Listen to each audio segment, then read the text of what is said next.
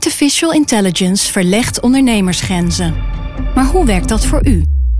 Als transformatiepartner helpt Capgemini u kansen te ontdekken en benutten, zodat we uw ideeën tot leven brengen.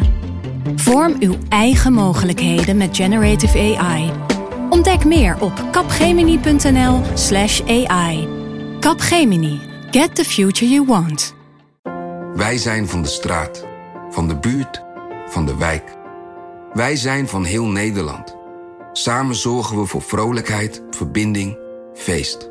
Samen brengen we in één jaar tijd 349 miljoen euro bij elkaar. Miljoenen waarmee onze goede doelenpartners de wereld groener, gezonder en rechtvaardiger kunnen maken. Nationale Postcode Loterij. Samen voor een betere wereld. Mijn naam is Lemja Aharwai en dit is NRC Haagse Zaken Goes Brexit. The UK has voted to leave the European Union. L'annonce du Brexit a été un choc. Brexit on toteutumassa, eli Britannian Brexit means Brexit means breakfast means breakfast. And after breakfast, Brexit, Groot-Brittannië vertrekt uit de Europese Unie. did not vote for breakfast, Brexit. De Britten die de EU willen verlaten, hebben hun zin gekregen. The British people have spoken and the answer is we're out. In het eerste deel van deze speciale Brexit-serie van Haagse Zaken hoorde je al dat het Verenigd Koninkrijk eigenlijk nooit echt een groot EU-fan was. En in deze aflevering onderzoeken we hoe dat andersom zit. Hoe beleven de Europeanen die band met het Verenigd Koninkrijk? En hoe denkt Europa over de Brexit? Is de relatie tussen beiden toekomstbestendig? Ja, ik ben natuurlijk net zoals eh, de minister-president buitengewoon teleurgesteld. Nou, waardeloos. Ja, het is eh, Europa. Een uh, sms'je van mijn Engelse collega, die natuurlijk heel teleurgesteld was, net als ik, over uh, de uitslag van het referendum. Ze maken er een grote soepzooi van daar in de conservatieve partijen, vooral in Groot-Brittannië. Dit kent alleen maar verliezers. Er, er, waren echt geen problemen in de relatie tussen het Verenigd Koninkrijk en Europa die niet, niet opgelost hadden kunnen worden. Ja, je hoort hier dus uh, geluidsfragmenten van de afgelopen jaren en recent nog van Stef Blok op televisie. En waar, uh, uh, waaruit gewoon toch steeds weer blijkt hoe verbijsterd, verward iedereen is. dat is eigenlijk de afgelopen twee jaar niet overgaan. Ik zou zelfs willen zeggen dat het de laatste tijd erger wordt weer, omdat de deadline van de brexit nadert. En dus de vertwijfeling ook toeslaat van hè, zijn we te hard geweest, hadden we het anders moeten doen. Hè, hoe moet het nu verder? Iedereen vraagt, stelt zich die vraag.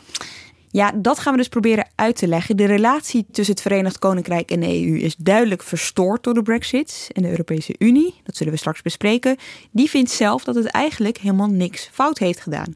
Maar wat verandert er precies in de Europese instituties? En wat betekent dit voor de onderlinge relaties in de toekomst? Aan tafel twee EU-experts. Dat is onze huidige correspondent in Brussel uh, van NRC, René Moerlands. En voormalig EU-correspondent, je hoorde hem net al eventjes, Stefan Alonso. En Melle Garshagen, die is er ook speciaal overgekomen uit uh, Londen. Correspondent op dit moment. Uit het Verenigd Koninkrijk. En Melle, voordat we beginnen heb ik even iets wat flauwe, maar ook belangrijke vraag. Een van onze luisteraars die vroeg zich naar aanleiding van de eerste aflevering over de brexit af. Hoe wordt jouw achternaam eigenlijk uitgesproken in het Verenigd Koninkrijk? Nou, het hangt van waar ik ben. Als ik in Schotland ben, dan is het uh, grote verbroedering. Want daar hebben ze ook een uh, goede geest. Dus dan is het uh, Garschagen. In, in Wales ook. Daar hebben ze nog, nog meer moeilijke klanken dan, dan wij. en in Engeland is het vaak Garshagen of Garshagen. ze hebben grotere moeite met mijn voornaam, Melle. Dat wordt vaak Melly, Millie, Mally, Molly. Ja. dat, ja. Ik blijft lastig. Zelfs in Nederland is het lastig hoor. Ik bedoel, het is een, een naam uit het noorden van het land. En ik heb in Maastricht gestudeerd en daar ging het ook niet altijd goed. Het is gewoon Melle Garschagen. Ja, Op ja, zich heel, ja, heel, heel makkelijk. makkelijk ja. Maar ik snap precies wat je bedoelt. Oké, okay, eigenlijk hebben we aan tafel dus de twee perspectieven. We hebben het Europees perspectief, Stefan en uh, René. En we hebben dus het perspectief uh, vanuit het Verenigd Koninkrijk. Gaan we eruit komen vandaag, René? Nou, als ik um, een EU-achtig antwoord geef, als ik dat even naspeel, dan zou je zeggen: we kunnen in chaos uit elkaar gaan. We kunnen er ordelijk uit zijn gekomen aan het eind van de tijd. Maar afloopt dit gesprek sowieso. Oké, okay, ik vind dat ergens toch wel een optimistisch idee dat, we, dat er in ieder geval een einde aan komt in uh, het Verenigd Koninkrijk, Melle. Ja, dan zou je iets moeten zeggen van uh, het staat vast dat, dat de Britten de EU verlaten, maar ja, ze verlaten niet Europa. Dus natuurlijk komt het goed, want we blijven goede buren en goede vrienden. Oké, die staan er wat optimistischer in. Voordat we ons verliezen in wie wat verkeerd heeft gedaan, laten we beginnen bij de feiten. Wat gaat er precies veranderen in de EU als de Brexit doorgaat? Dat doen we in drie delen. Wat verandert er in de Europese Commissie? Wat verandert er in het Europees Parlement? En wat verandert er in de Europese Raad? We beginnen bij de Europese Commissie. René, eerst maar eventjes, wie zit er in die commissie? Wat is de belangrijkste taak? De Europese Commissie is het uh, dagelijks bestuur van de uh, Europese Unie. Als je de Raad van Regeringsleiders zou vergelijken met een soort Europese regering, uh, dan zijn die natuurlijk niet elke dag bezig met besturen, want ze hebben ook allemaal nog een nationale regeringen om, om te leiden. En de Europese Commissie doet dat dan in, in Brussel, doet ook voorstellen aan de Raad, wetgevende voorstellen, werkt ze ook uit, overlegt daarover met het Europees Parlement, doet trouwens de Raad ook. Dus is één van de drie pijlers van het institutionele samenwerking van uh, al die EU-lidstaten in de Europese Unie. Ja. En de Europese Commissie spreekt ook namens de Europese Unie. Uh, in onderhandelingen met, uh, of in andere contacten met, met, met derde landen, zoals ze dat noemen, dus met niet-EU-lidstaten. Dat is voor de Britten van speciaal belang. Want nu zijn ze nog lid van de Europese Unie, dus deel van de Europese Raad, dus deel van de opdrachtgevers van de Commissie. En uh, straks um, uh, zijn ze een, een, een uh, laten we zeggen, vreemde mogendheid. Een, een club die niet aan tafel meer zit, een land dat niet meer aan tafel meer zit bij de club in Brussel, maar met de Europese Commissie heeft te maken. En zo ging het eigenlijk ook de afgelopen twee jaar al met de onderhandelingen over Brexit. Precies, want goed om in het achterhoofd te houden, de, als we het hebben over de onderhandelingen tussen de EU en het Verenigd Koninkrijk, dan gaat het eigenlijk steeds om de Europese Commissie die dat namens de EU doet. Ja, de Europese Commissie, uh, dat is dus Jean-Claude Juncker, de voorzitter, daar, daar, of Juncker, daar hoor je het, me, het meest over. En uh, de hoofdonderhandelaar uh, met, in Brexit is dan eigenlijk een ambtenaar, wel een politicus ook, maar Michel Barnier, een Fransman. This is the deal that has been negotiated. Over the last few months, we have made progress in the negotiations, in particular. We've had a very good meeting this evening. We've made further progress. And as a result, we've given sufficient direction to our negotiators. I hope for them to be able to resolve the remaining issues, and that work will start immediately. We are ready. Keep calm and negotiate. Je hoort het een beetje aan zijn accent, maar dit is dus Barnier inderdaad uh, en Theresa May. En alles gaat heel goed. Michel Barnier, dat is de, uh, de, de, onderhandelaar die inderdaad altijd bekend staat om zijn, om zijn rustig, uh, rustige optreden en zijn vasthoudendheid. Lijkt nooit uit zijn evenwicht te brengen. Beweegt ook geen meter als dat, uh, als dat hem niet uitkomt. En hij heeft een heel duidelijk mandaat gekregen. De Europese Commissie heeft een duidelijk mandaat gekregen van de Raad waarin hij zich altijd aan houdt. Mm -hmm. Dus hij kan ook niet zomaar iets gaan, gaan toegeven, bijvoorbeeld. Um, uh, en dat, uh, dat merk je heel duidelijk aan zijn, aan zijn optreden. En hoe wordt hij gezien, uh, Melle, in het Verenigd Koninkrijk? Is hij het grote kwaad? Barnier? Nee, niet echt. Nee, ik denk dat Jean-Claude Juncker wordt vaker gezien als het grote kwaad. En ook al in aanloop naar het referendum. een echte eurocraat uit een piepklein landje, Luxemburg. En Britten snappen nog steeds niet dat iemand uit zo'n klein landje zoveel te, kan te zeggen kan hebben in de Europese Unie. Dat, begrijpen ze niet als Britten, ja, zelf een heel groot land. Ja, ik denk dat, dat er voor Barnier wel enig, enig respect is. We zien hem ja, niet echt als, als, als politicus, maar meer als een, als een ambtenaar. Iemand die de boodschap vertegenwoordigt van de 27 overige lidstaten. Maar ja, ook juist in het mandaat, dat, daar gaat, ging het eigenlijk al meteen scheef bij die onderhandelingen.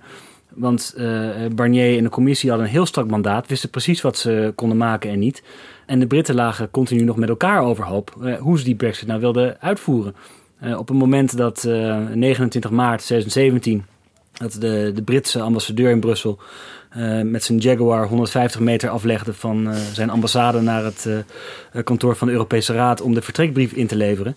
het moment waarop de, de tijd begon te lopen, hadden ze werkelijk geen enkel idee of uh, consensus in de Britse politiek wat nou de onderhandelingsstrategie was. Ja. Ja, en, en, en daar is het eigenlijk al misgegaan. Ja, dus in Europa heel strak geregeld, aan de Britse zijde eigenlijk niet. Ja. Maar Stefan, wat ik me wel afvraag is, um, is het dan zo dat Juncker eigenlijk het onderhandelen heeft uitbesteed aan Barnier? Want hij is Juncker is wel de voorzitter van de Europese Commissie. Ja, hij is de voorzitter, maar het is natuurlijk het is gewoon een, een, een, een soort krankzinnig proces waar je uh, in terecht komt. Dus ik bedoel dat hè, de voorzitter kan zich daar niet op dagelijkse basis uh, mee bezighouden. Ik geloof dat Juncker ook heeft gezegd van ik wil niet meer dan, wat was het, 10 minuten per week of zo bezig zijn met Brexit. Want ik heb nog een heleboel andere dingen te doen. Dat is inmiddels uh, wel meer hoor. Ja, ja, ja.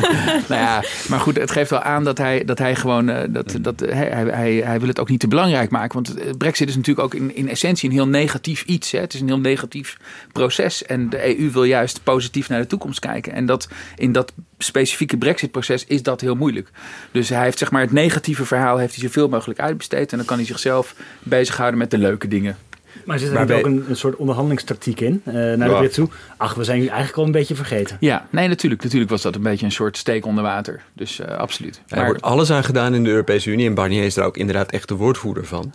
Om te zeggen, kijk, de Europese Unie, in tegenstelling tot de Britten, bewaren de eenheid. Ook al zijn we met 27 landen. We hebben duidelijke afspraken. We opereren geordend. Het is niet chaotisch.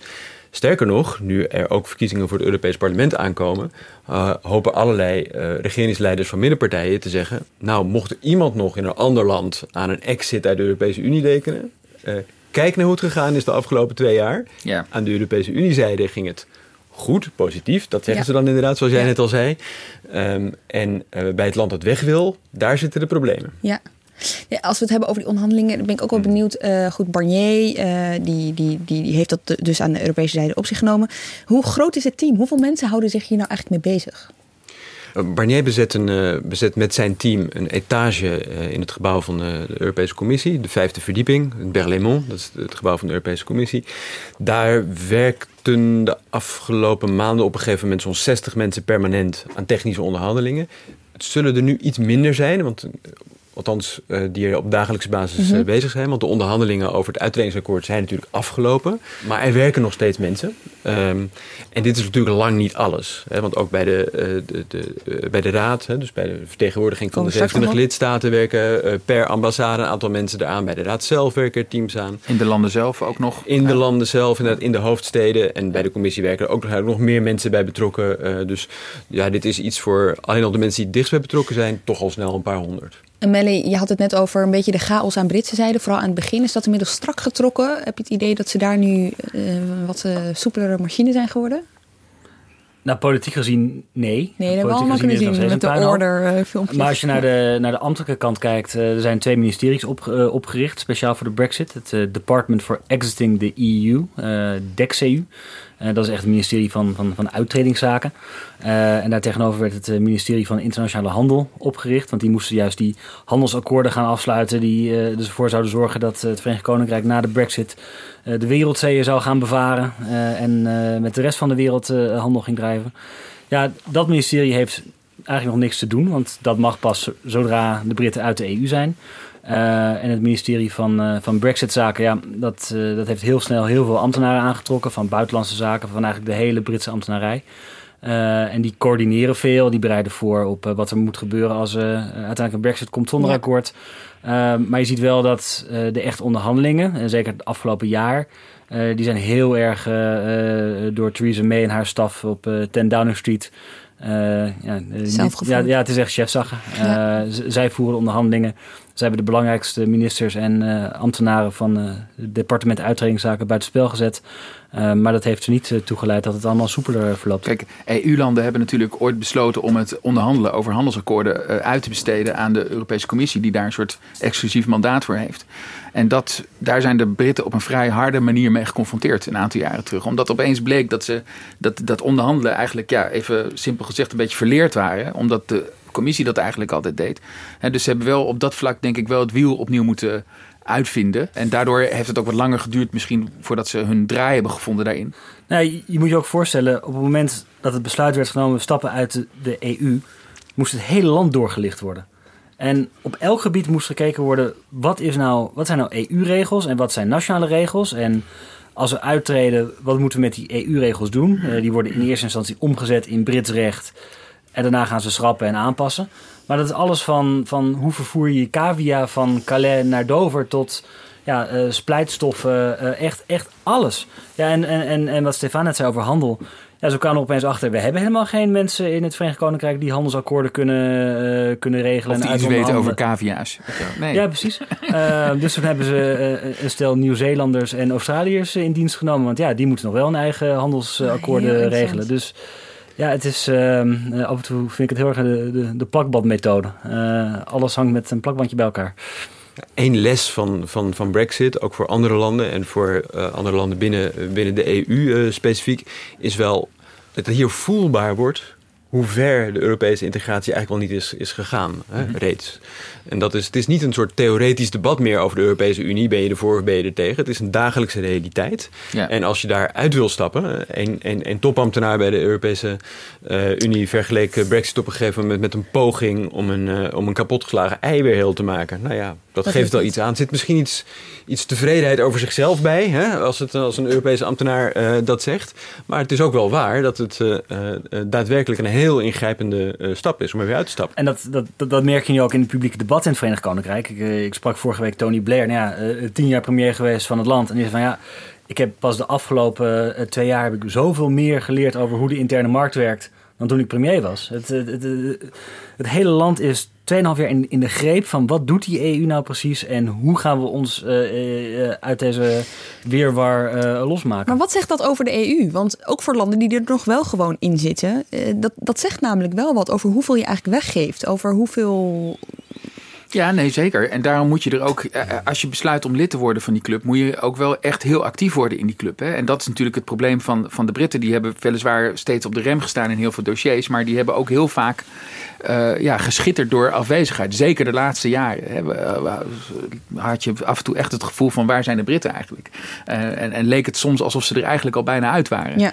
Uh, dus dus, dus, dus je, je, je, je, je moet je enorm engageren, want anders dan hè, de, de, beroemde, ik weet niet, die gebruik ik heel vaak, misschien ook al eens een keer in deze podcast gebruikt, maar hè, dat als je dus niet aan tafel zit, dan sta je op de lunchkaart. Hè, dat is gewoon een soort gevleugelde Brusselse uitspraak. En die gaat hier ook op, denk ik. Je, maar, je, je, je moet echt bij de les blijven. Maar in hoeverre heeft dat ook mee te maken dat een van de twee hele grote dossiers van de EU de afgelopen jaren, de eurocrisis, dat de Britten daar sowieso niet aan tafel zaten, want ze zijn geen euroland. Nee. Speelt het ook mee in die afwezigheid? Jawel, jawel. Maar goed, ik bedoel, ze, zijn natuurlijk wel een speel in het financiële systeem. Dus ze hadden zich daar. En, en ze hebben zich er ook wel tegenaan bemoeid, maar vooral op een negatieve manier. Ze hebben gewoon vooral duidelijk gemaakt de hele tijd wat ze niet wilden. Dus uh, ze wilden niet dat, dat al die dat banken zich opeens heel erg moesten ja. committeren aan allerlei dingen en standaarden en zo. Dat niet. Maar ze zeggen dan nooit echt precies wat ze wel willen. En wat dat betreft zie je dat bij Brexit weer. Eén punt die misschien dat Brexit ook toch wel uh, heeft veranderd in het publieke debat uh, op het Europese continent, is enigszins, je, je zei het al, van nu zien we ook wel wat je weggeeft met de Europese Unie. Uh, maar het is ook wel meer aandacht gekomen de afgelopen jaar voor wat de Europese Unie dan aan winst oplevert. Hè? In, in, in, in crisistijden, ook in de eurocrisis waar, je, waar, je net, waar Mel net al even naar verwees, gaat het, of met migratiecrisis gaat het natuurlijk ook sterk over dat een land niet meer alles zelf kan regelen. Maar in bijna alle landen hoor je toch ook wel het verhaal van ja, je kunt ook dingen niet op jezelf uh, uh, uh, regelen. Je bent nu eenmaal met elkaar verbonden in belangen en daar moet je het samen regelen. Ja, omschreef laatst René dat samenwerken of het gebrek eraan heel mooi door te zeggen we zijn straks buren in plaats van huisgenoten met de Britten. Dus eigenlijk moeten we nu gaan ontdekken hoe het is om een goede buurt te zijn. Ja, dat is geen originele uh, vergelijking, denk ik hoor. Je hoort hem vaker. Maar... Dacht, ik probeer hem heel aardig naar je toe te schrijven. maar oké, okay, ja. Um, uh, de Britten zijn wel een, een heel ander soort buur dan eigenlijk alle andere uh, uh, buren die de Europese Unie heeft. Hè.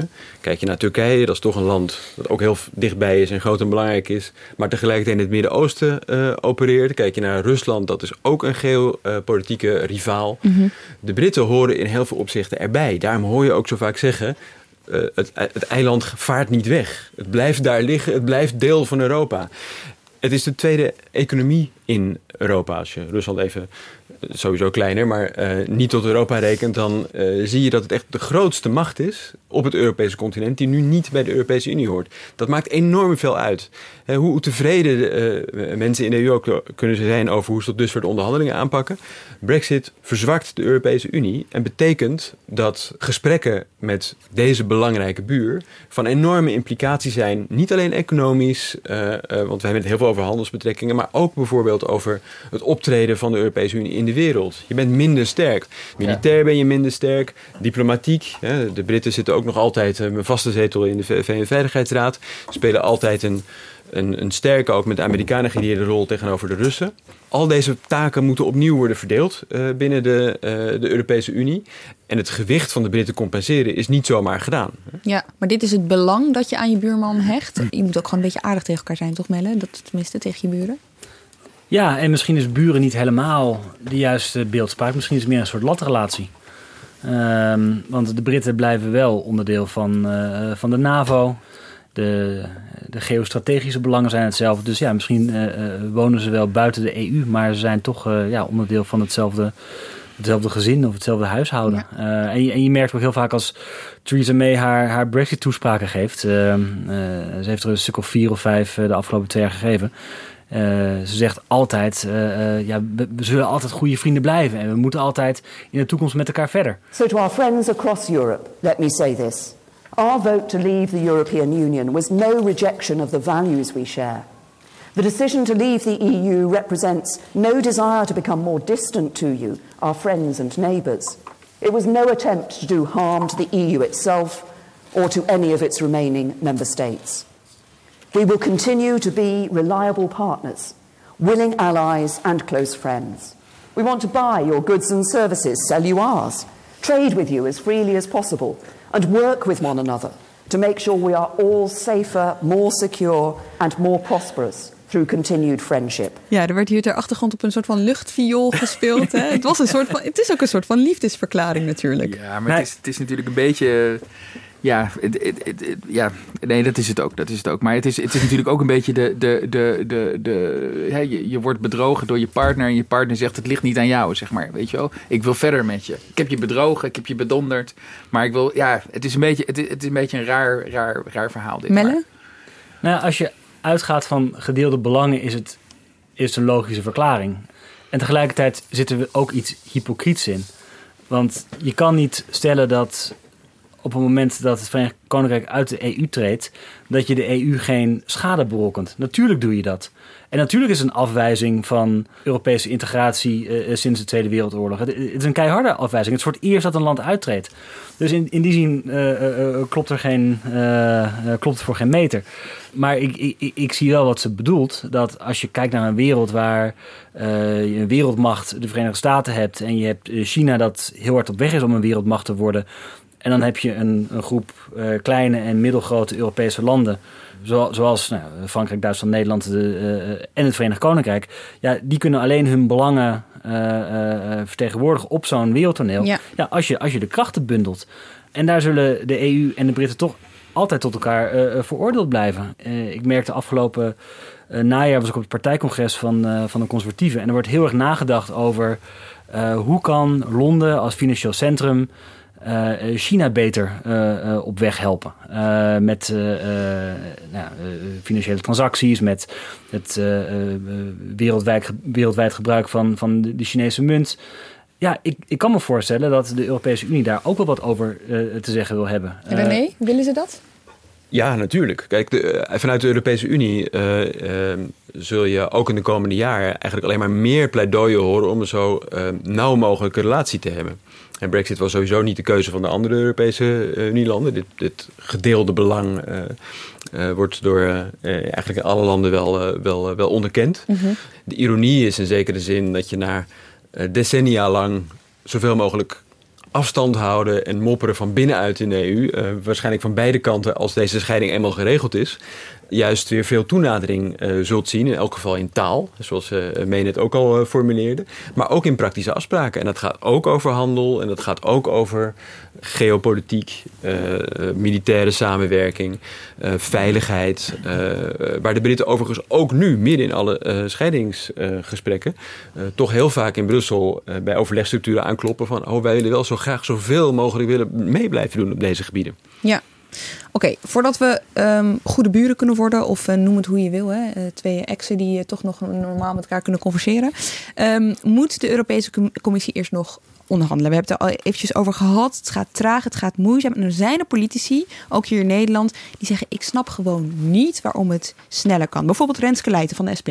De onderhandelingsstrategie van de overgebleven uh, landen van de Europese Unie is echt heel streng geweest. En ik heb vanaf het begin af aan in het Nederlands parlement heb ik gezegd: laten we die interne markt uh, je, je, hebt handel met elkaar, maar dan moet je ook meteen allerlei andere regels accepteren op het vrij verkeer van werknemers, op, op, op allerlei diensten die je moet aanbesteden. Laten we dat nou eens gewoon knippen. Dat doen we bijvoorbeeld ook in onze relatie met Oekraïne, ook met uh, Turkije. En laten we dat nou aanbieden aan, uh, aan het Verenigd Koninkrijk. En daarvan zegt de Europese Unie nee. Ja, dus je pakt het Oekraïne-verdrag bijvoorbeeld, ctrl-c, ctrl-v. ja, makkelijk, snel, zo'n handelsverdrag. René? De, er bestaat een, een, een schemaatje, een, een, plaatje, getekend door Barnier in het begin van de onderhandelingen. Uh, de, de, de trap van Barnier uh, wordt die genoemd. De trap naar de hel. De trap naar de hel, ook wel inderdaad. Oké, oké, okay, ik word maar, steeds benieuwder. Ja? Je, uh, die definieert een aantal um, type relaties die de EU met derde landen heeft en hoe dichtbij ze zijn. Mm -hmm. zeg maar. En helemaal onderaan, dicht bij de hel, heb je dus een zo los mogelijke relatie. Um, Welke landen staan daar? En, Turkije. Uh, tu oh. Ja, Turkije staat maar Turkije heeft bijvoorbeeld wel uh, in, in de douane-unie ja. afspraken dat ze geen uh, zelfstandige handelsakkoorden sluiten die geen rekening houden met EU-regels. ja, Canada is de hel. Met derde landen. Dus, dus, dus Canada gaat, gaat nee, inderdaad... De hel is no deal, zeg oh, ja, maar. Dat is, nou. Wacht even, nu volg ik het even niet meer. Nou ja, je kunt dus allerlei soorten relaties hebben. En die kunnen, die kunnen, die, die, die, je kunt een hele intensieve relatie hebben. Of een hele losse juist. Ja. Of je hebt no deal. En, en dat, dat, is de hel. Dat is de hel. En daar en heb dat, je gewoon geen, geen verdragen mee. Nee, nou ja, dan, dan nou, ga je... Dan, dan je ga hebt wel dus, verdragen de WTO-regels. Ja, dan. heb je dus precies. niet eens een handelsverdrag dat, uh, uh, dat veel regels overneemt. En dat is de richting ja. die de Britten opleken te gaan. Ja. Nog steeds nou, opleken nou, te gaan. Ze weten het gewoon niet. Nee. Ze weten... Het Britse maar- parlement is zo diep verdeeld. Er is een deel dat juist nou, op, op, dat ho- op de- die hoogste traptreden wil blijven. Die Mhm. zo dicht mogelijk eh, eh, bij de EU eh, wil blijven. Onderdeel van de interne markt, onderdeel van de douane-unie. Dat je eigenlijk zegt, de brexit betekent dat we de politieke instellingen, nou commissie, raad, parlement, verlaten. Maar dat je de economische integratie helemaal intact laat.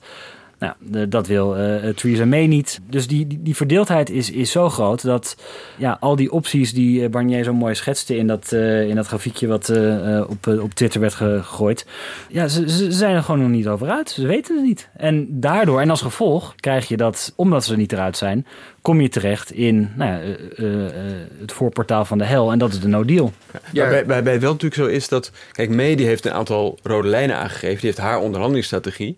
Die leiden naar een hele losse eh, relatie.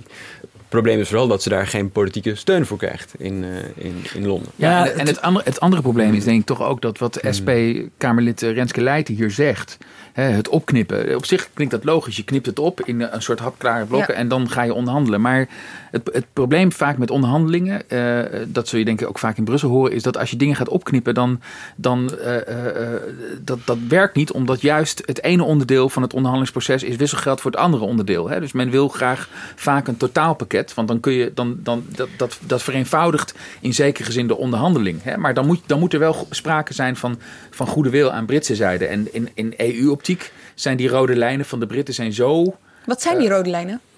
Nou, ja, Nou, ja, de, de belangrijkste rode lijn is eh, wat Renske Leijten eh, hier zegt. En Theresa May is absoluut geen socialist, maar hier zou ze eh SP-Kamerlid heel goed in kunnen vinden.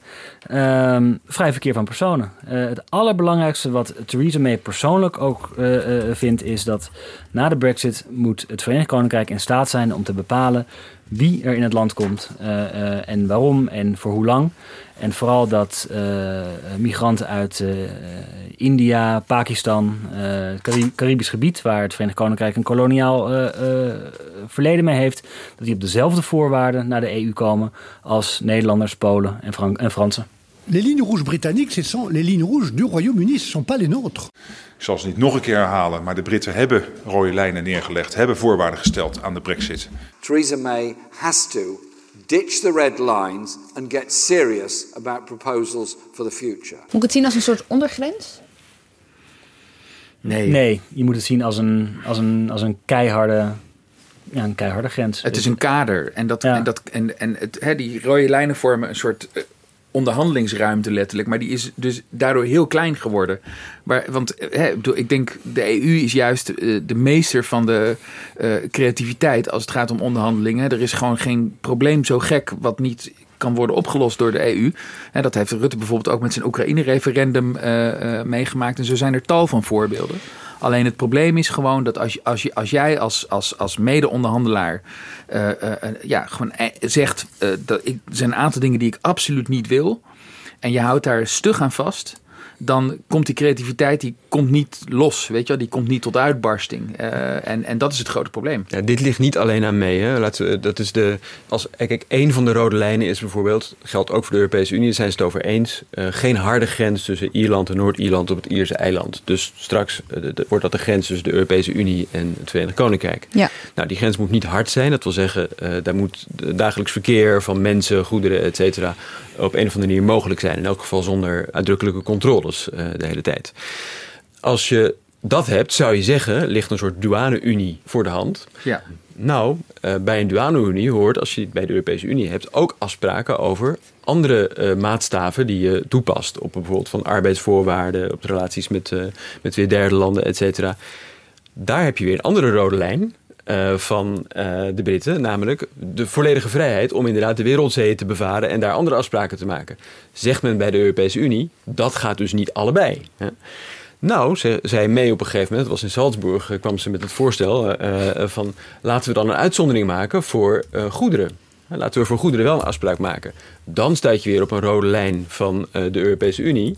Namelijk dat de vier vrijheden, vrij verkeer van personen, goederen, diensten, kapitaal, niet uh, aangetast mag worden, niet verdeeld mag worden. Want dan wordt de Europese Unie, uh, de, de, interne markt, uit elkaar gespeeld. Ja. U ziet dat het gedeelde terrein, hè, al die overlap, is gewoon maar heel klein. En dan zelfs als er wordt gezegd, ach weet je, Noord-Ierland is niet zo groot. Laten we dan Noord-Ierland in ieder geval betrekken bij de rest van van de EU. Dan mogen zij vrij handelen. Dan heb je niet die harde grens tussen Noord-Ierland en Ierland. Dan stuit je weer op een andere rode lijn in de Britse politiek. Uh, dat je dan controles nodig hebt tussen Noord-Ierland en de rest van het Verenigd Koninkrijk. Ja, en als je al die rode lijnen optelt, het is een soort optelsom van alle deelbelangen in de Britse politiek. En dan vooral alle deelbelangen binnen de conservatieve partij. Je hebt een deel uh, wil absoluut kunnen handelen met de rest van de wereld. Je hebt een deel die absoluut de grenzen wil kunnen controleren. Je hebt een deel dat absoluut uit het Europees Hof wil. En als je al die, die deelbelangen optelt, ja, dan krijg je zoveel rode lijnen dat het, het, uh, de witruimte waarin juist die creativiteit moet loskomen, ja, dat, dat die heel klein wordt. Ze zijn het er onderling dus eigenlijk nog niet eens over eens. Nee, nee dat, en dat zullen ze ook nooit worden. Ja, precies. Ja, we, we, hadden het, we hadden het eerder over buren hè, en over uh, huisgenoten. Maar volgens mij laat, laat, laat dit hele onderhandelingsspel ook weer zien dat we eigenlijk veel meer zijn dan dat nog. Weet je, we zijn echt keihard getrouwd. We hebben heel veel kinderen samen. En het is heel moeilijk om dat in één keer zo eventjes op te lossen. En dat, dat bewijst dit hele onderhandelingsspel eigenlijk. Laten we dysfunctionele familie zijn. Ja, ja. Laten we het woord scheiding hier even inhouden. Want tot slot even over de Europese Commissie. En daarna gaan we het hebben over het Europees Parlement. Verandert er na de brexit iets aan de samenstelling van die Europese Commissie? Nou, je mist uh, een uh, Britse eurocommissaris. Um, of dat een hele, dat is niet de grootste verandering van, uh, van Brexit. Ik zou de man niet herkennen als ik op straat Julian King is de naam. Oh. Ja. op zich is dat gunstig, want iedereen pleit altijd voor een kleinere Europese commissie. Dus Oké, okay, maar niks nou ja, de, de, commissie, omdat het dus, zoals Stefan net ook al op uh, noemde, het mandaat heeft om uh, namens de Europese Unie met derde landen te, uh, te praten. Een derde land, dus dus ook de, de naam voor alle niet-leden van de Europese Unie. En daar horen de Britten straks bij. dus de, de relatie tussen de, Europese, tussen de Britten en, het, en de Europese Unie, daar wordt de commissie alleen maar belangrijker. Dat zie je dus al bij de, bij de scheidingsonderhandelingen. Oké. Okay door naar het Europees Parlement. Dat zijn de direct gekozen vertegenwoordigers van de 27 lidstaten. Beetje vergelijkbaar met de Tweede Kamer, of ga ik dan te kort door de bocht, René? Het is minder het hart van de democratie dan een nationaal parlement, zeker in Nederland, wat okay. een parlementaire democratie is. Het is een medewetgever. De leden hiervan worden elke vijf jaar herkozen. En nu wil het toeval dat er Europese verkiezingen aan zitten te komen voor het Europees Parlement. Mei dit jaar is dat. En het lijkt me toch dat de Brexit daar wel gevolg voor heeft. De planning is, uh, is zo. Uh, May heeft twee jaar geleden het uittreden uh, formeel aangekondigd. Mm -hmm. Dat heet dan artikel 50. en dan heb je precies twee jaar om eruit te komen. Nou, dat zou dus tot 29 maart 2019 geschieden. De verkiezingen 11 uur s avonds. 11 uur s avonds. De verkiezingen voor het Europees Parlement zijn eind mei. Dus dat is mooi op tijd. Hoeven de Britten niet meer mee te doen. Maar op dit moment, omdat er nog altijd enkele weken voor de deadline nog steeds niet geregeld is hoe die Brexit dan gaat verlopen, dan wordt er gesproken over de vraag, nog niet formeel, uh, maar in de wandelgangen heel veel, mm -hmm. uh, of Brexit uitgesteld moet worden. Dan moeten de Britten daarom vragen en dan moeten de andere landen allemaal mee instellen. Maar als het uitgesteld wordt, is de vraag: ja, stel je het uit tot na eind mei, moeten de Britten dan meedoen aan de verkiezingen voor het Europees Parlement? En zit je dan weer uh, met het probleem voor uh, de komende. Dat lijkt me ja. nog ingewikkelder, want dan zouden ze Ja. er vijf jaar in mogen Want, blijven want eigenlijk niet per se, De, ja. de overige lidstaten hebben, hebben eigenlijk al een beetje. Er vallen dus eh, zetels vrij door die, door die Brexit. En die zijn al min of meer verdeeld onder de overige lidstaten. En best zijn veel. Vergeet niet, eh, 73, hè? Dat is, dat Ja, is ja, best ja, veel. Dat absoluut. is, absoluut. eh, Nederland zou er ook drie eh, eh, zetels bij krijgen. Hè. Van de huidige 26 zouden we naar 29 gaan. Dus dat, dat is op zich eh, ook, ook leuk nieuws, zeg maar. Om Daar toch zijn een beetje bepaalde partijen hier ook, die kijken er echt naar uit. Want Ja, maar het, het punt is dus dat stel dat de Britten toch nog moeten meedoen aan deze Europese verkiezingen, omdat ze in mei nog niet weg zijn, eh, ja, dan, dan, moet- dan moet je daar dus een oplossing voor gaan bedenken. Nou, daar wordt dus nu al hardop over nagedacht. En dit is trouwens precies wat ik bedoel. Dit, dit lijken enorme problemen, maar ik denk dat juist over dit soort problemen worden ze het vaak wel eens eh, binnen de EU. Dus dit zijn niet eens de, de grootste problemen, maar het maakt het hele proces wel weer een stuk ingewikkelder. Want je krijgt bijvoorbeeld ook weer de vraag van hè, eh, hoe lang betalen de Britten nog mee hè, aan de, bijvoorbeeld de EU-begroting. Ook een dingetje. oké, dit zijn een heleboel vragen. Maar hopen de Britten dat ze nog mee kunnen doen met die ver- verkiezingen? Nee, nee, het Europees Parlement is, eh, eh, is geen onderwerp van gesprek eh, in het Verenigd Koninkrijk. En zelfs de activisten en de politici die uitstel willen, en dat willen ze om verschillende redenen, om of de brexit beter te regelen, of opnieuw een referendum te houden om misschien toch in de EU te blijven. Die zeggen allemaal, ach ja, die Europese parlementsverkiezingen, dat, dat, dat regelen we wel. En desnoods eh, hou je die verkiezingen en als we dan toch uittreden, dan, ja, dan, vallen die mensen weg. Of eh, je houdt die verkiezingen eh, na een tweede referendum als blijkt dat we de komende jaren toch lid blijven van de Europese Unie. Ja, dan hou je verkiezingen alsnog. Ik denk dat het, dat, dat het een, combinatie is van het feit dat ze denken van ja, dit is echt zo'n praktisch bezwaar, daar kan je wel, wel wat, wat op bedenken.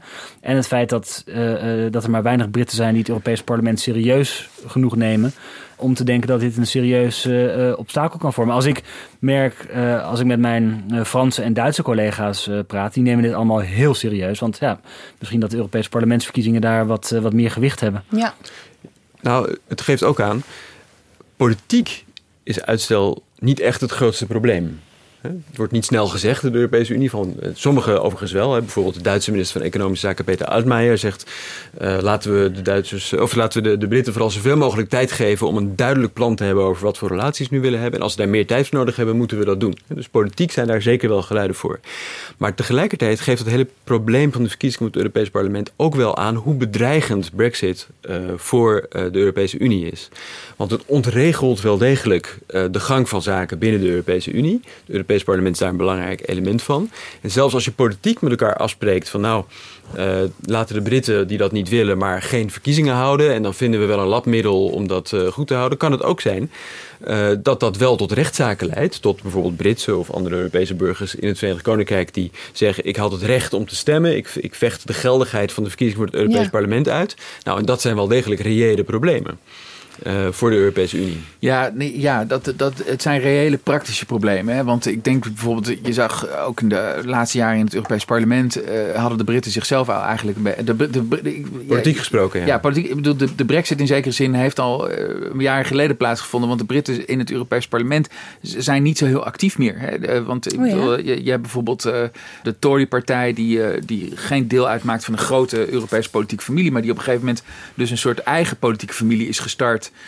binnen het Europees Parlement... omdat ze vonden dat ze anders waren dan de rest. Was dat na het referendum? Nee, dat is alweer 2009 of zo hebben we het over. Weet je, dus dat is, al, dat is alweer hè, dat gewoon. eh, De onthechting begon daar. de onthechting begon toen eigenlijk Ja. al. Hè? En, en, en je ziet ook gewoon dat, ik bedoel, kijk, dat Europees Parlement, dat is natuurlijk gewoon een enorm dagelijkse politieke koehandel, een heel spel en zo. En, en, de, en de Britten worden daar al enkele jaren niet meer, denk ik, gewoon heel erg eh, bij betrokken. Ook omdat ze zelf zich niet meer erbij bij betrekken. Hè? Dus ik wil bedoel- net zeggen, worden ze er niet bij betrokken of zijn ze Ja, zelf niet zo ze- initiatiefrijk. Ze, ze zijn zelf niet zo initiatiefrijk meer. Maar Eh, het, het, het, het paradox is natuurlijk dat het ene Britse eh, lid van het Euro- Europese parlement dat iedereen kent, Ja. eh, Nigel Farage, je kan zeggen, is, dat, is hij constructief? Nee.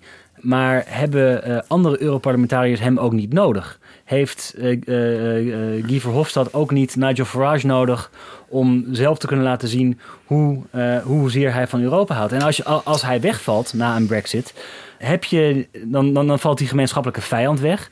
En eh, zullen sommige Europarlementariërs misschien moeite hebben om zichzelf te profileren. René? Nou ja, er zullen vervangers zijn voor Farage. Dat denk ik ook. Ehm, eh, Wie? Wie? Nou ja, ik bedoel... Eh, verschillende- ik verschillende kom handen tekort, weet je wel, maar... Er, er zijn, er zijn genoeg partijen in eh, verschillende Europese landen die in peilingen ook er goed voor staan voor de Europese verkiezingen straks, die de Europese Unie helemaal anders en vooral minder willen. Misschien zelfs wel helemaal niet meer. Hè. Eh, neem al de Duitse AFD bijvoorbeeld, eh, die eh, in zijn verkiezingsprogramma aan het opnemen is om het Europees Parlement op te heffen als ze, er, als ze erin zitten, bijvoorbeeld. Afgezien van de, de specifieke Britse omstandigheden die tot Brexit hebben geleid, is de weerzin tegen de Europese Unie een, een beweging die je in veel Europese landen ziet. Hij is niet overwegende meerderheid in de meeste landen. Tra- in, de me- in verreweg meeste landen lang niet zelfs. Maar het is een politieke dynamiek die speelt. En die ga je ook terugzien in het Europees Parlement. eh, in de nieuwe samenstelling is de verwachting. Dus het En dat ook zal iets dus aan politieke blijven. verhoudingen, zeg je eigenlijk. Ja, het zal minder hè, euro-sceptisch en de grote fracties daarin zal minder een verhaal worden van dominante grote Britse fracties. eh, maar nationalistische eh, eh, eh, fracties zullen op een of andere manier vast wel eh, eh, ontstaan. Er moet nog veel in gevormd worden. En een belangrijke rol in het debat spelen, al zullen ze geen meerderheid zijn daarvoor. Maar, maar, maar denk je dat na die Europese parlementsverkiezingen... en ervan uitgaande dat de Britten eruit gaan... Mhm. en deze eh, andere eh, anti-Europeanen erin komen... denk je dat de brexit wordt gezien als, als de opmaat naar een, een soort soul-searching... een zoektocht binnen het Europees parlement... naar wat voor een soort Europa kan misschien wel op meer steun van de Europese bevolking rekenen. Gezien het de, de, de, verwachte groei van eh, eh, eurosceptische partijen in het parlement. Die, die soul-searching, als je het zo noemt, zal misschien permanent gaande zijn in het Europees Parlement, maar zie je ook zeker bij de andere Europese regeringen, op niveau van de Europese Raad.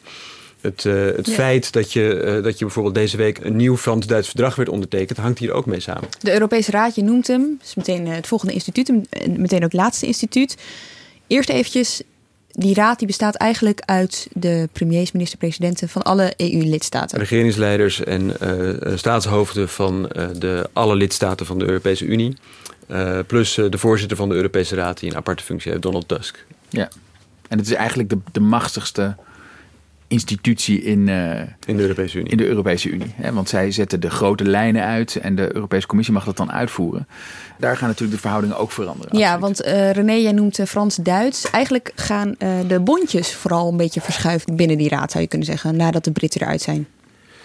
Ja, de, de- kijk, de, de tweede economie, eh, groot land, eh, nog niet zo lang geleden als de Fransen, de Duitsers en de Britten, eh, die allemaal een heel verschillende instellingen hadden, zoals Melle net ook al noemde, ergens over eens waren, dan had je een bepaalde richting, zullen we maar zeggen.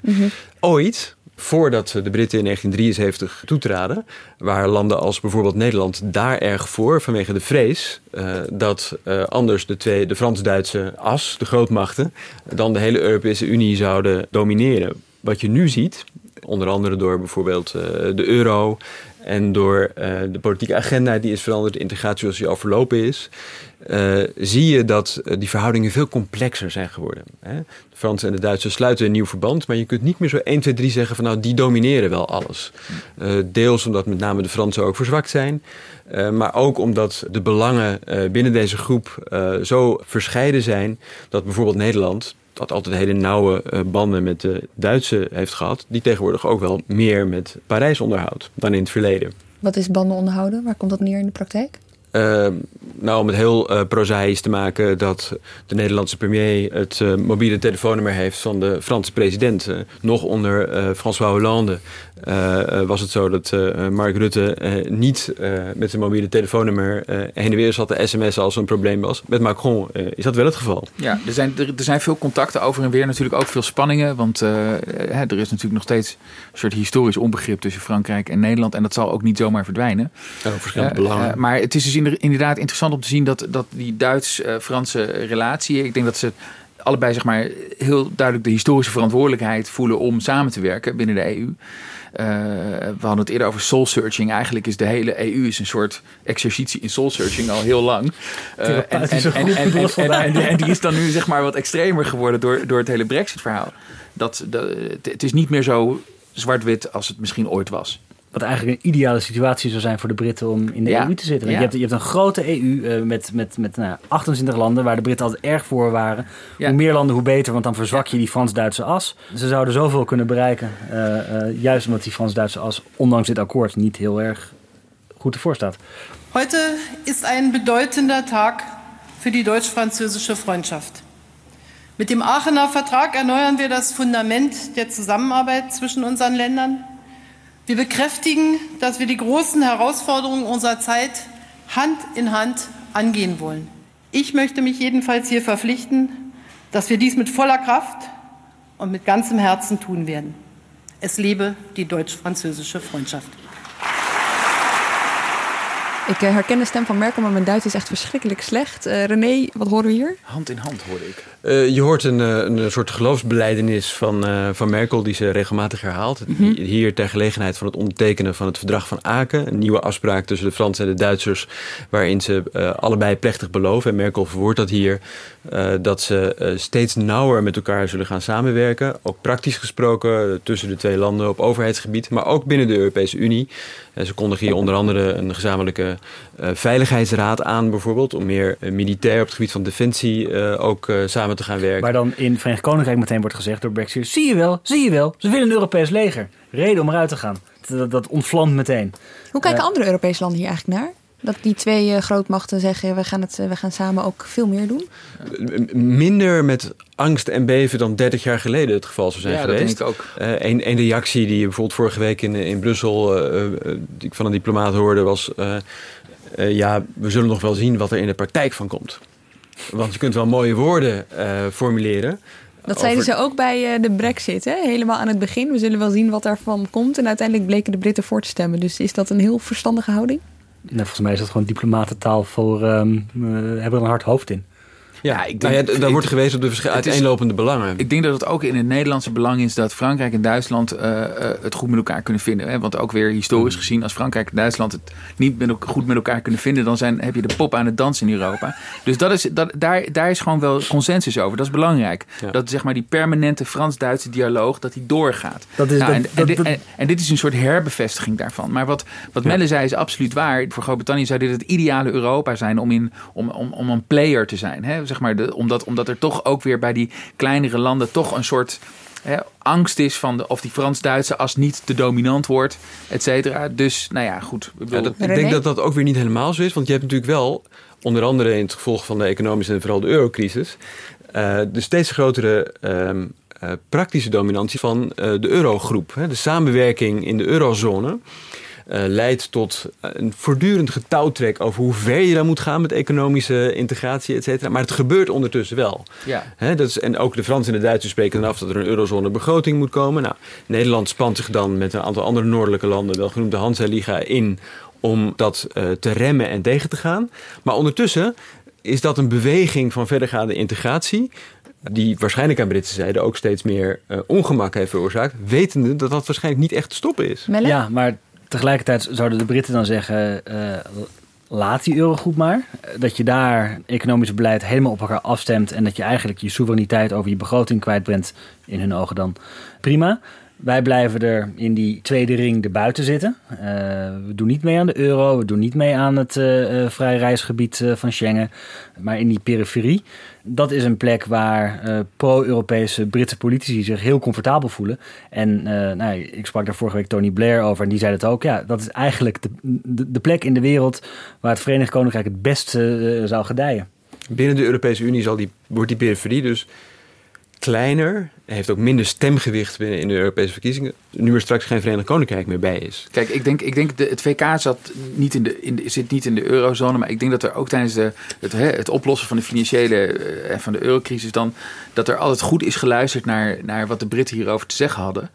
Uh, de eurogroep heb je het nu over? Ja, ja, dat er toch wel rekening is gehouden ook met, eh, met, eh, met, met Britse angsten, Britse bezwaren. Vertel even heel kort wie er in die eurogroep, wat dat de ministers van Financiën Nou ja, dat zijn de ministers van Financiën van alle eurolanden. Dat zijn er 19 op dit moment. 19 en, ja. en, die, en die, ja, die, die, die zetten eigenlijk de lijnen uit voor, hè, voor zeg maar, de economische integratie van, van, van de eurozone.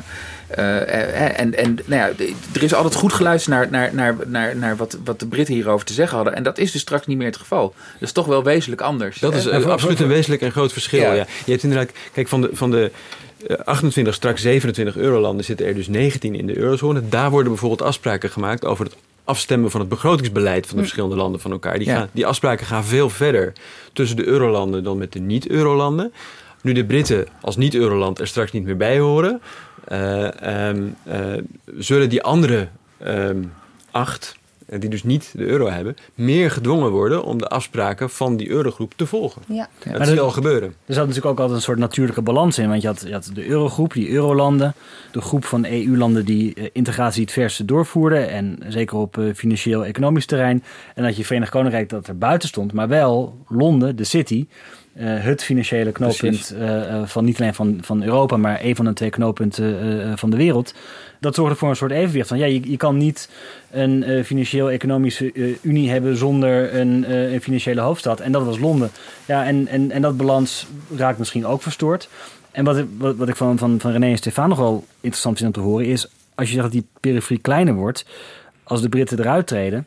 Hoe zullen landen die ook in die periferie uh, zitten, zoals uh, Polen, die toch al moeite hebben met wat er uh, in de EU gebeurt, hoe zullen die, die daarop reageren?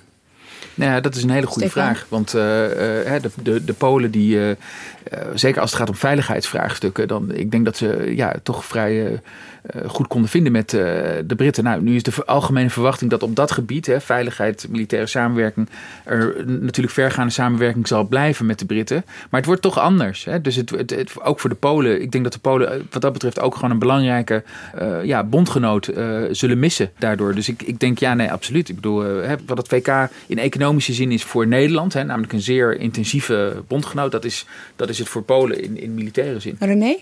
Ja, je ziet, uh, Stefan raakt nog het, het, onderwerp van, van veiligheid. Dat is ook een, een, een, een, een, een kwestie waarin je de verhoudingen ziet veranderen. Met het Verenigd Koninkrijk uh, verliest de Europese Unie ook een, uh, een van zijn sterkste landen die ja. heel kritisch tegenover Rusland staat. Nou, dat is bijvoorbeeld voor Polen ook inderdaad van, van, van groot belang. De rol als, tussen de West-Europese landen als aanjager van sancties bijvoorbeeld tegen Rusland traditioneel gespeeld door de Britten, zie je nu ook meer overgenomen worden door de Nederlanders met name. Um, Wat toch anders is, want je bent geen VN-veiligheidsraad. Uh, absoluut, raad kleiner lid. land. Je bent ja. geen land met een van de grootste ja. krijgsmachten, ja. kernmacht. Ja, dus daar zie je de verhoudingen veranderen. Veiligheidsdiensten. En, en, en heel concreet, bijvoorbeeld uh, binnen, en dat is dan weer, weer economisch, binnen de eurozone uh, worden soms verdergaande afspraken gemaakt. Daar willen uh, andere landen dan meer bij horen en ook over meepraten. Ik kan me voorstellen dat ze binnen die Europese Raad, hè, al die verschillende Europese leiders, dat ze zich ook wel zorgen maken over wat betekent dit voor de EU, voor de positie van de EU in de rest van de wereld als het Verenigd Koninkrijk er niet meer bij hoort. Dat lijkt me toch ook wel een verschil uitmaken. Absoluut. Ja, nee, zeker. Dat, ik denk dat, dat, en we weten eigenlijk nog steeds niet precies hoe dat gaat uitkristalliseren. Want het, het merkwaardige is dus dat, dat door die brexit worden we eigenlijk bijna gedwongen om juist nog meer samen te werken. Terwijl uh, veel landen daar, eigenlijk misschien uh, niet zoveel zin in hebben. En daarom gaat het nu opeens ook weer over een Europees leger. Want ja, dat Britse leger, dat, dat, ja, daar mogen we nog wel mee samenwerken straks. Maar het is toch anders. Het is toch misschien goed om onze eigen veiligheid ook op orde te hebben. En dan heb je ook nog eens een keer Trump, die allerlei terugtrekkende bewegingen maakt. Hè. Dus in, in, in alle opzichten wordt de EU zeg maar gedwongen om zijn zaakjes op orde te hebben. En ook economisch, denk ik. Ehm, en ja, dat, dat, dat, dat, het, het verandert echt hoe de EU functioneert in de wereld. Ja, maar zijn het nou eigenlijk vooral die politiek leiders die zich druk maken om de gevolgen van de Brexit? Of is de gewone Europeaan, uh, om dat woord maar te gebruiken, hier ook mee bezig. Weet je wel, in Nederland bijvoorbeeld bleven die zorgen best wel lang uit. Ja, maar ik denk, hè, je hebt natuurlijk uh, in Nederland wonen heel veel Britten en in uh, het VK wonen heel veel Nederlanders. Nou, die maken zich sowieso denk ik heel erg veel zorgen. Want voor Tot hen... nu toe klinkt het allemaal heel logisch. Ja, ja want die, die, die, voor hen gaat het natuurlijk uh, ja, echt ook op ja, persoonlijk, in hun persoonlijke leven mm -hmm. gaat er gewoon veel veranderen. Mhm. Mm -hmm. Of niet? Ja, of niet. En, en ik, denk, ik denk, ja, maken burgers zich hierover zorgen? Ik denk echt dat het afhangt waar je dat vraagt. Hè? Ik bedoel, eh, je, je, denkt, je ziet toch wel dat het in Nederland leeft het veel. Maar dat komt natuurlijk ook door de enorme economische belangen die wij hebben met, uh, met het VK. Dus er moeten heel veel voorbereidingen voor, voor worden getroffen. Het is veel in het nieuws. Uh, heel veel ondernemers moeten zich voorbereiden. Moeten opeens douaneformaliteiten gaan doen, et cetera. Het punt is, als je, er zijn natuurlijk andere landen binnen de EU die gewoon beduidend minder minder uh, uh, handel drijven met uh, het VK. En die, waar het waarschijnlijk niet het nieuws zou domineren. René? Dat is ook zeker zo. Je, je ziet dat niet de gewone Europeaan, ook wel bij toppen trouwens. Um, hè, een Mark Rutte of een Emmanuel Macron of, of, een Merkel hoor je over Brexit. Hè. Hun bevolkingen maken zich er ook druk om, om handelsrelaties, om andere persoonlijke relaties die er zijn. Maar er zijn ook altijd wel regeringsleiders die je helemaal niet hoort na een Brexit-top. daar hebben ze thuis weinig over te vertellen. En die gaan gewoon snel naar huis. Een Portugees of, een, of een Bulgaar is veel minder bezig met Brexit. In Litouwen overigens ook. It is dinner. During the dinner, you only eat and speak. There is no negotiations of UK. What really they want. Today, we do not know what they want. They know they do not know themselves what they really want. That's a problem. We have time. We have time. Think UK has less time. We have time. Ja, dit was een uh, president van Litouwen waar niet echt de urgentie vanaf. Uh, ja, mevrouw Grybauskaite. Maar ja, goed, op, zij, op, op, zij, zij, is altijd een beetje. Uh, ze heeft altijd een goede quote, zeg maar, voor de journalisten. Maar het, dit, is ook, dit is ook een beetje, denk ik, gespeeld. Hè? Want ik denk dat ook een land als Litouwen en, ja. en het, het gedoe met Rusland en uh, de, de angst voor Rusland en in het bredere geopolitieke plaatje denk ik dat ook een land als Litouwen toch best wel bezorgd is over deze ontwikkelingen. Ja. Dus uh, het is ook een beetje, het is, dit, dit, is, dit is een beetje stoer doen, denk ik. In de Baltische Staten spreekt het veiligheidsprobleem ja, absoluut. Ja, je, je, je, hebt in, in, in, in de Baltische Staten uh, en in Polen, je hebt, je hebt, je hebt een veiligheidsaspect. Uh, in het begin van de Brexit-onderhandelingen hebben een paar hooggeplaatste Tories een keer gezegd van ja, als wij onze zin niet krijgen, ja, dan gaan we gewoon, uh, ja, we zitten ook in de NAVO met z'n allen. Uh, en dan moeten we uh, Europa verdedigen tegen, te, tegen Rusland. Ja, misschien dat we gewoon wat die oostflank van de NAVO wat ja, open laten liggen. Ja, en dat, dat, dat, dat is een dreigement dat heel slecht viel. En dat is ook meteen weer ingetrokken. Um, maar dat, dat is niet vergeten. Nee. Uh, en, en die angst is er wel degelijk. En het zijn natuurlijk ook uh, politici uh, van EU-landen met een, met een grote diaspora in het, in het Verenigd Koninkrijk. Um, en dat is heel belangrijk. Um, je zag sinds de, de grote toetredingsgolf tot en met dit jaar kwamen er netto alleen maar meer uh, migranten uit uh, de Baltische Staten, uit Oost- en Centraal-Europa erbij in het Verenigd Koninkrijk. En dat is nu omgeslagen. Voor het eerst gaan er meer weg dan dat erbij komen. Dus mensen gaan naar huis. En dat is ja, niet alleen. Omdat ze dus geen toekomst meer zien in het VK. In ieder geval omdat ze onzeker zijn over hun toekomst. En misschien omdat ze denken dat, dat, dat in de rest van Europa er een, uh, een mooiere economische toekomst is dan in uh, het Verenigd Koninkrijk. Ja. En het is altijd een afweging. Ik heb een uh, laatst groot verhaal gemaakt. Dan heb ik een, een Pools mevrouw van 28 gevolgd. Ehm, ja, en dan zie je dat het een hele optelsom is van uh, huizen zijn duur in Londen, goedkoop in Polen, avontuur. En dan is de brexit die druppel waardoor ze uh, toch, toch haar kansen grijpt in Polen. Voor brexiteers was dit echt een van, een van de argumenten om voor een brexit te stemmen, toch? Ja, zeker. Maar, um, dus die zien nu dat, zij, dat, dat het resultaat heeft gehad. Ja, en, en, en, en, die zijn daar ook tevreden over. Maar tegelijkertijd, uh, werkloosheid in het Verenigd Koninkrijk is uh, 4%. En ze zijn gewoon keihard nodig. Uh, uh, ze doen werk, uh, je, je, komt ze altijd elke dag overal tegen. in de horeca, kantoren. nou, ik ben vanochtend hier met, met EasyJet naartoe gevlogen. Volgens mij was de, de cabin crew was 50-50 Brits, Oost-Europees. En ik vraag me heel erg af of dit soort politici, of die ook de druk voelen uh, vanuit hun, hun, hun, kiezers, die, die, die toch terugkeren vanuit het Verenigd Koninkrijk en misschien ook vroeger heel veel geld stuurden naar huis toe, wat, wat, wat voor economische groei zorgde mhm. in de thuislanden. of zij ook de politieke druk voelen om, om toch maar een gunstig akkoord aan te gaan met die Britten. Om maar te, te kunnen zorgen dat, dat, dat de werknemers kunnen blijven komen. Kijk, ik denk, wat ik altijd zo fascinerend vind, is dat hè, het was inderdaad een argument in het Brexit-referendum. Maar wat je zag gebeuren eigenlijk is dat uh, toen de uitbreiding van, uh, van de EU uh, eh, plaatsvond in 2004, hè, met al die Oost-Europese landen. Toen zijn dus, hebben heel veel landen gezegd van wij willen niet meteen werknemers uit die landen toelaten. En er zijn een aantal landen die dat wel hebben gezegd. En één daarvan was het VK. En Europa, ik blijf het maar zeggen, maar Europa is gewoon een waterbed. Als een, heleboel landen iets niet doen en een paar landen wel, ja, dan gaat iedereen naar dat ene land waar je wel naartoe kunt.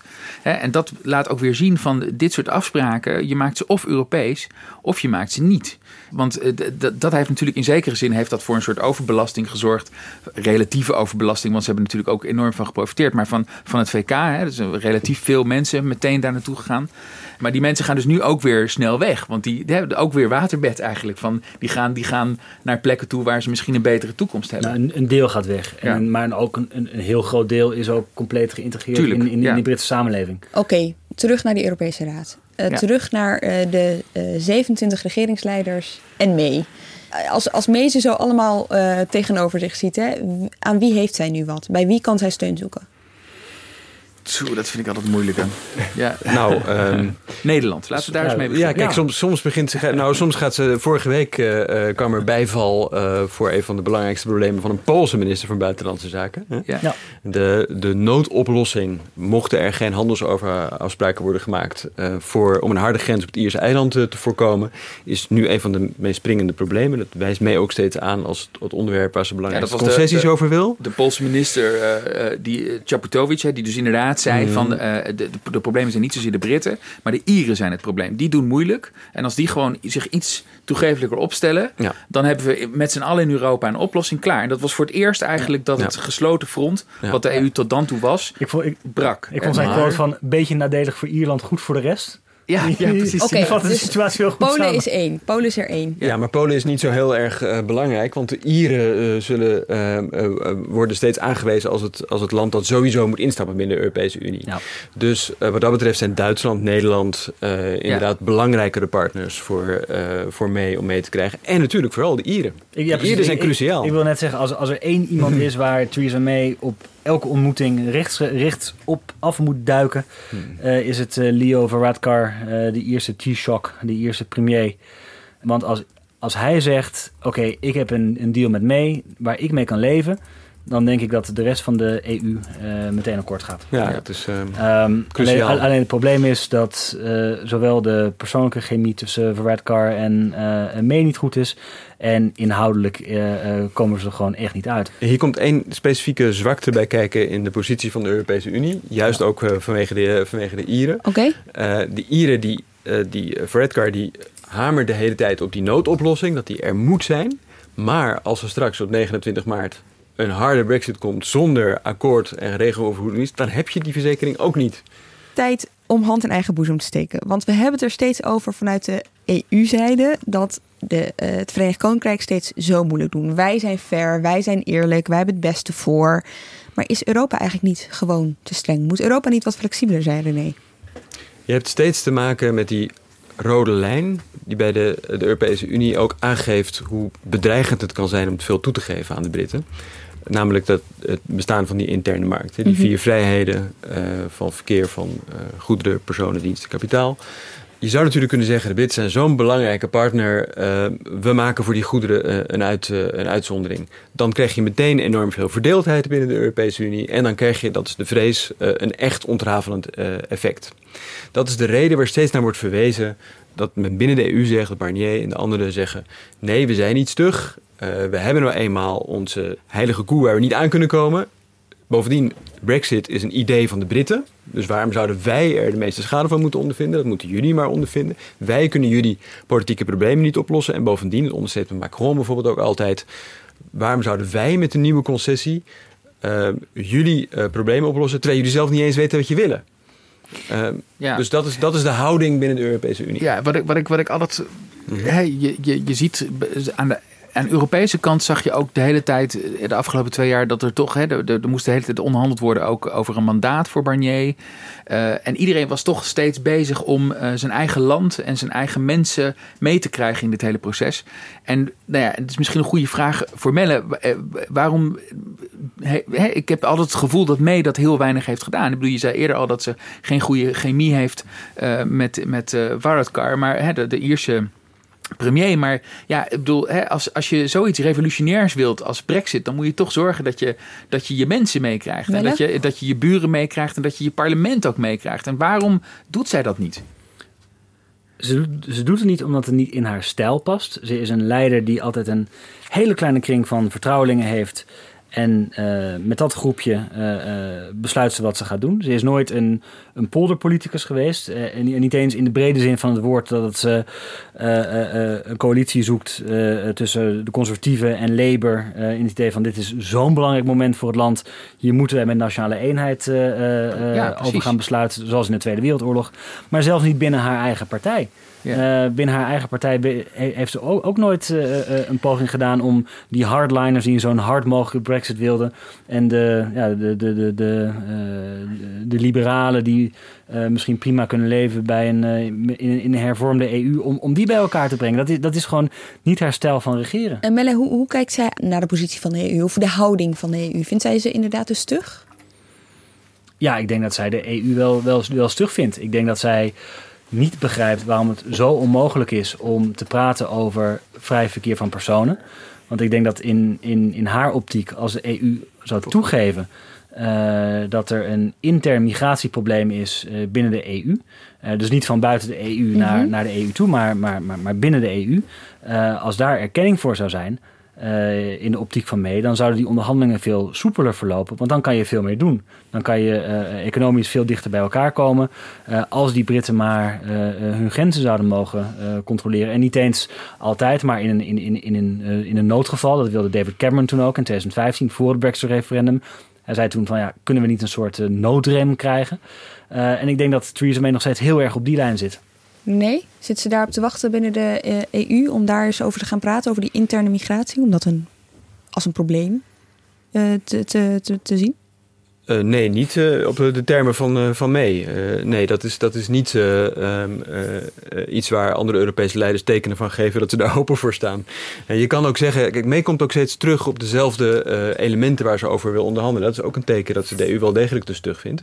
En misschien zelfs er ook wel op speculeert dat naarmate de deadline echt dichterbij komt, er toch beweging in Europese zijde zal komen. Wat steeds hardop wordt uitgesloten door al die EU-leiders. Maar misschien niet helemaal uitgesloten is. Ja, ja. En, en dan gaat de vraag over de, over de erkenning van de speciale relatie inmiddels niet meer over migratie, niet meer over vrij verkeer van personen, maar erken dat de Britten door hun economische macht en door de nauwe relaties toch een soort uitzonderingsafspraak kunnen maken. Of het nu binnen een douane-unie is of binnen een, een, speciale handelsrelatie waar wel op een of andere manier meer vrij verkeer van goederen mogelijk is.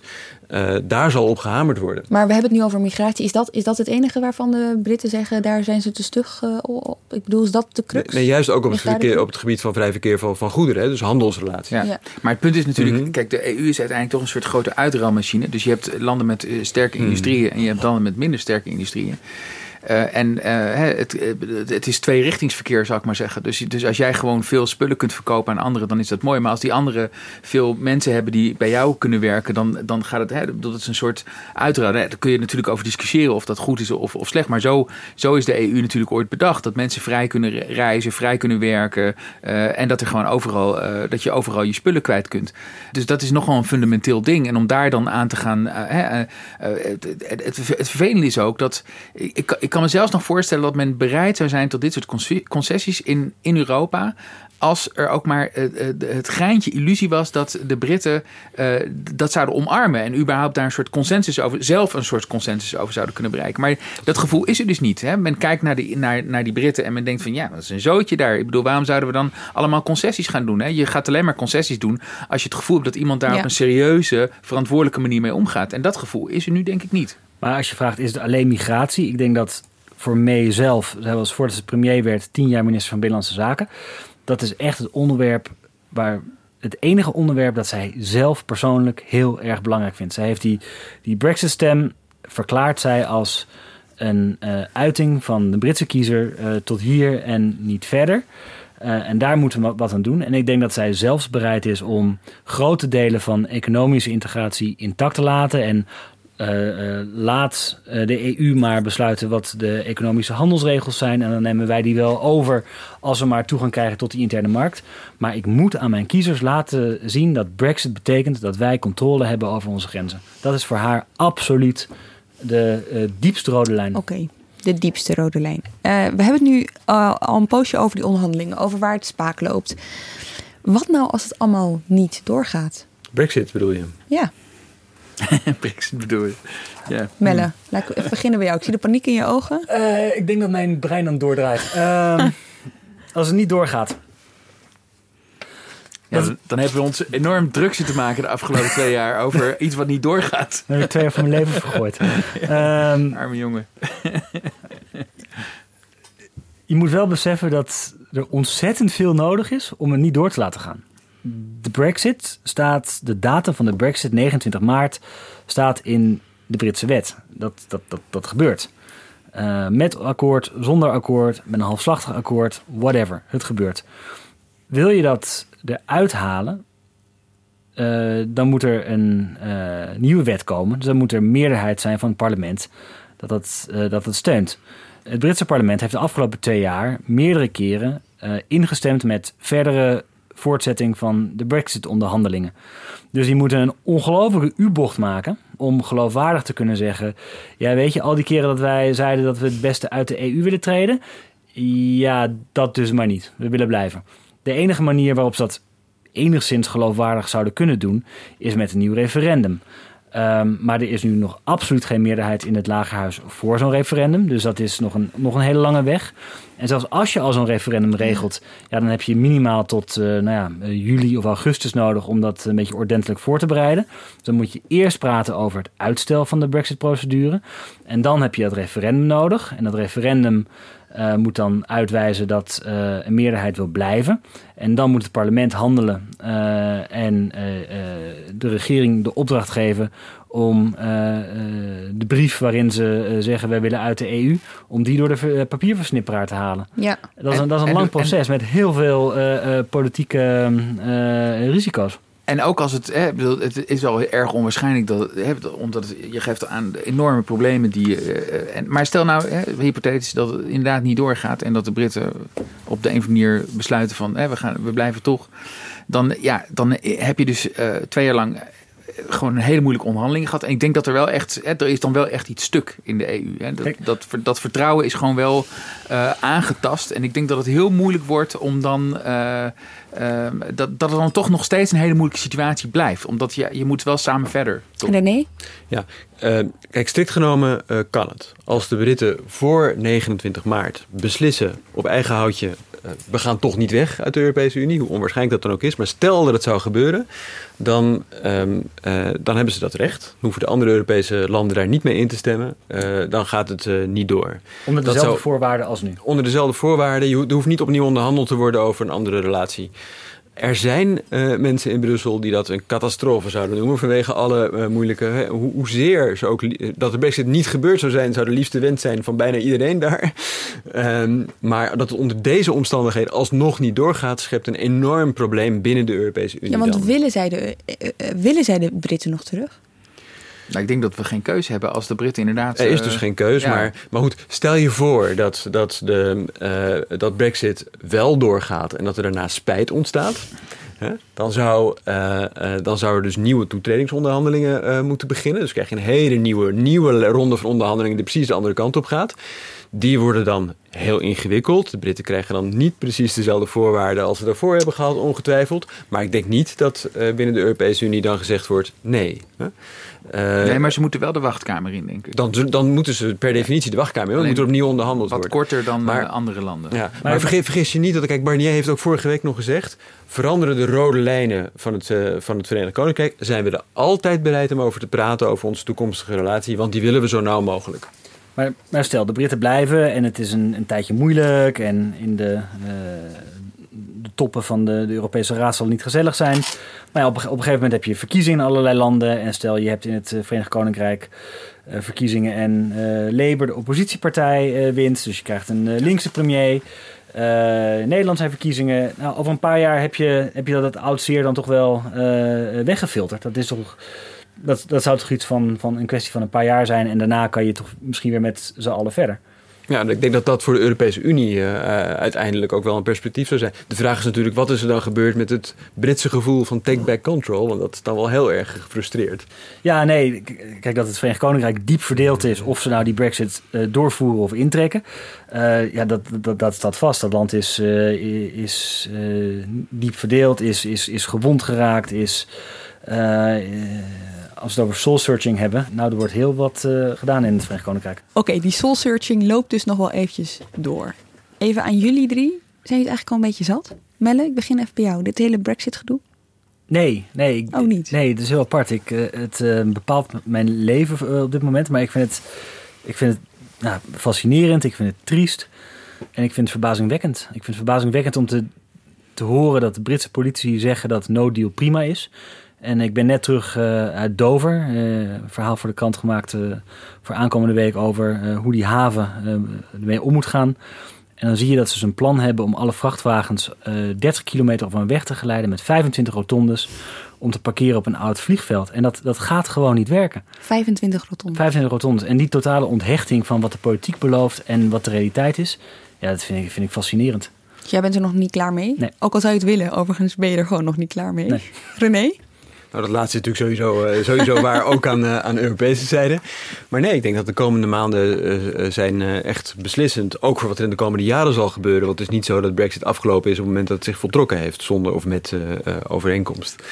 Dus uh, het blijft een, een, In Brussel heeft het, heeft het een, een, soms een wat repetitief karakter, omdat uh, men daar heel uh, lang hetzelfde zegt. in afwachting van wat er nu uiteindelijk in Londen gebeurt. Hè? Dus wat dat betreft is het minder dominant bij mij, denk ik, dan bij Melle. Maar er staan nog veel en ook ingrijpende bewegingen te wachten. Dus die gaan we wel volgen. Mooie tijden wel, als journalist in Brussel lijkt me. Zeker. Stefan, jij bent weg uit Brussel al een tijdje. Jij volgt het ja, vanuit Nederland. Ik volg het nu vanuit Nederland. Dat is op zich heel interessant. Want in Nederland gaat het natuurlijk veel meer over hè, hoe bereiden we ons voor op de catastrofe en dergelijke. Dus dat is een, ja, toch een soort andere vraagstelling. Uh, nee, het is ontzettend spannend. Maar tegelijkertijd wat ik altijd fascinerend heb gevonden is toch dat toen ik nog in Brussel zat. Toen zeiden mensen, je, je zag dat, dat Europa begon zich voor te bereiden op die onderhandelingen. En ja, Europa doet dat dan op een hele beschaafde, nette manier, et cetera, et cetera. Maar je hoorde toen ook al heel veel diplomaten zeggen van of dit gaat lukken, valt of staat met uh, de opstelling van de Britten. Hè? Uh, en, en de angst was toen eigenlijk al dat de Britten het uiteindelijk heel smerig zouden gaan spelen.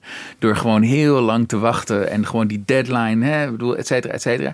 En dat is eigenlijk wat je nu ziet. Hè? Dat is gewoon eigenlijk uh, verbijsterend. Dat we gewoon ja, twee jaar lang hebben zitten onderhandelen en dat we nu langzaam is die tijd aan het wegtikken. En nu is het eigenlijk een soort chicken game aan het worden. Ik merk aan jou dat je het nog niet zat bent. Nee, nou ja, soms wel. Oh, maar toch wel. Vandaag even niet dan. Oké, heel goed. Dank jullie wel alle drie. Stefan Alonso, Melle Garschagen en René Moerland. Zolang het Verenigd Koninkrijk en de Europese Unie er nog niet uit zijn, zijn wij ook nog niet uitgesproken over dit onderwerp. Dit was de derde aflevering in de Haagse Zaken Brexit-serie. Heb je de eerste twee afleveringen nog niet gehoord? Luister ze dan vooral terug. Die gaan over de Brexit vanuit een Brits perspectief. Hoe heeft het zover kunnen komen? We komen vast nog terug met nieuwe Brexit-afleveringen. Wanneer precies, dat laten we nog even in het midden. Dus abonneer je vooral op Haagse Zaken. Dan zie je ons vanzelf in je feed verschijnen. Voor nu hopen we dat je het nieuws over de Brexit de komende weken nog net wat beter in context kunt plaatsen. Bedankt voor het luisteren. Stuur vooral je vragen naar podcast.nrc.nl.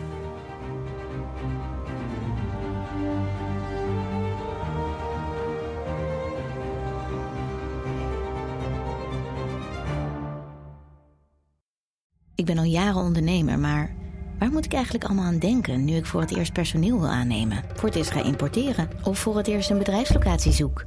Weet wat je wel of niet moet doen bij zaken die je voor het eerst oppakt. Check kvk.nl voor praktische stappenplannen. KVK, hou vast voor ondernemers.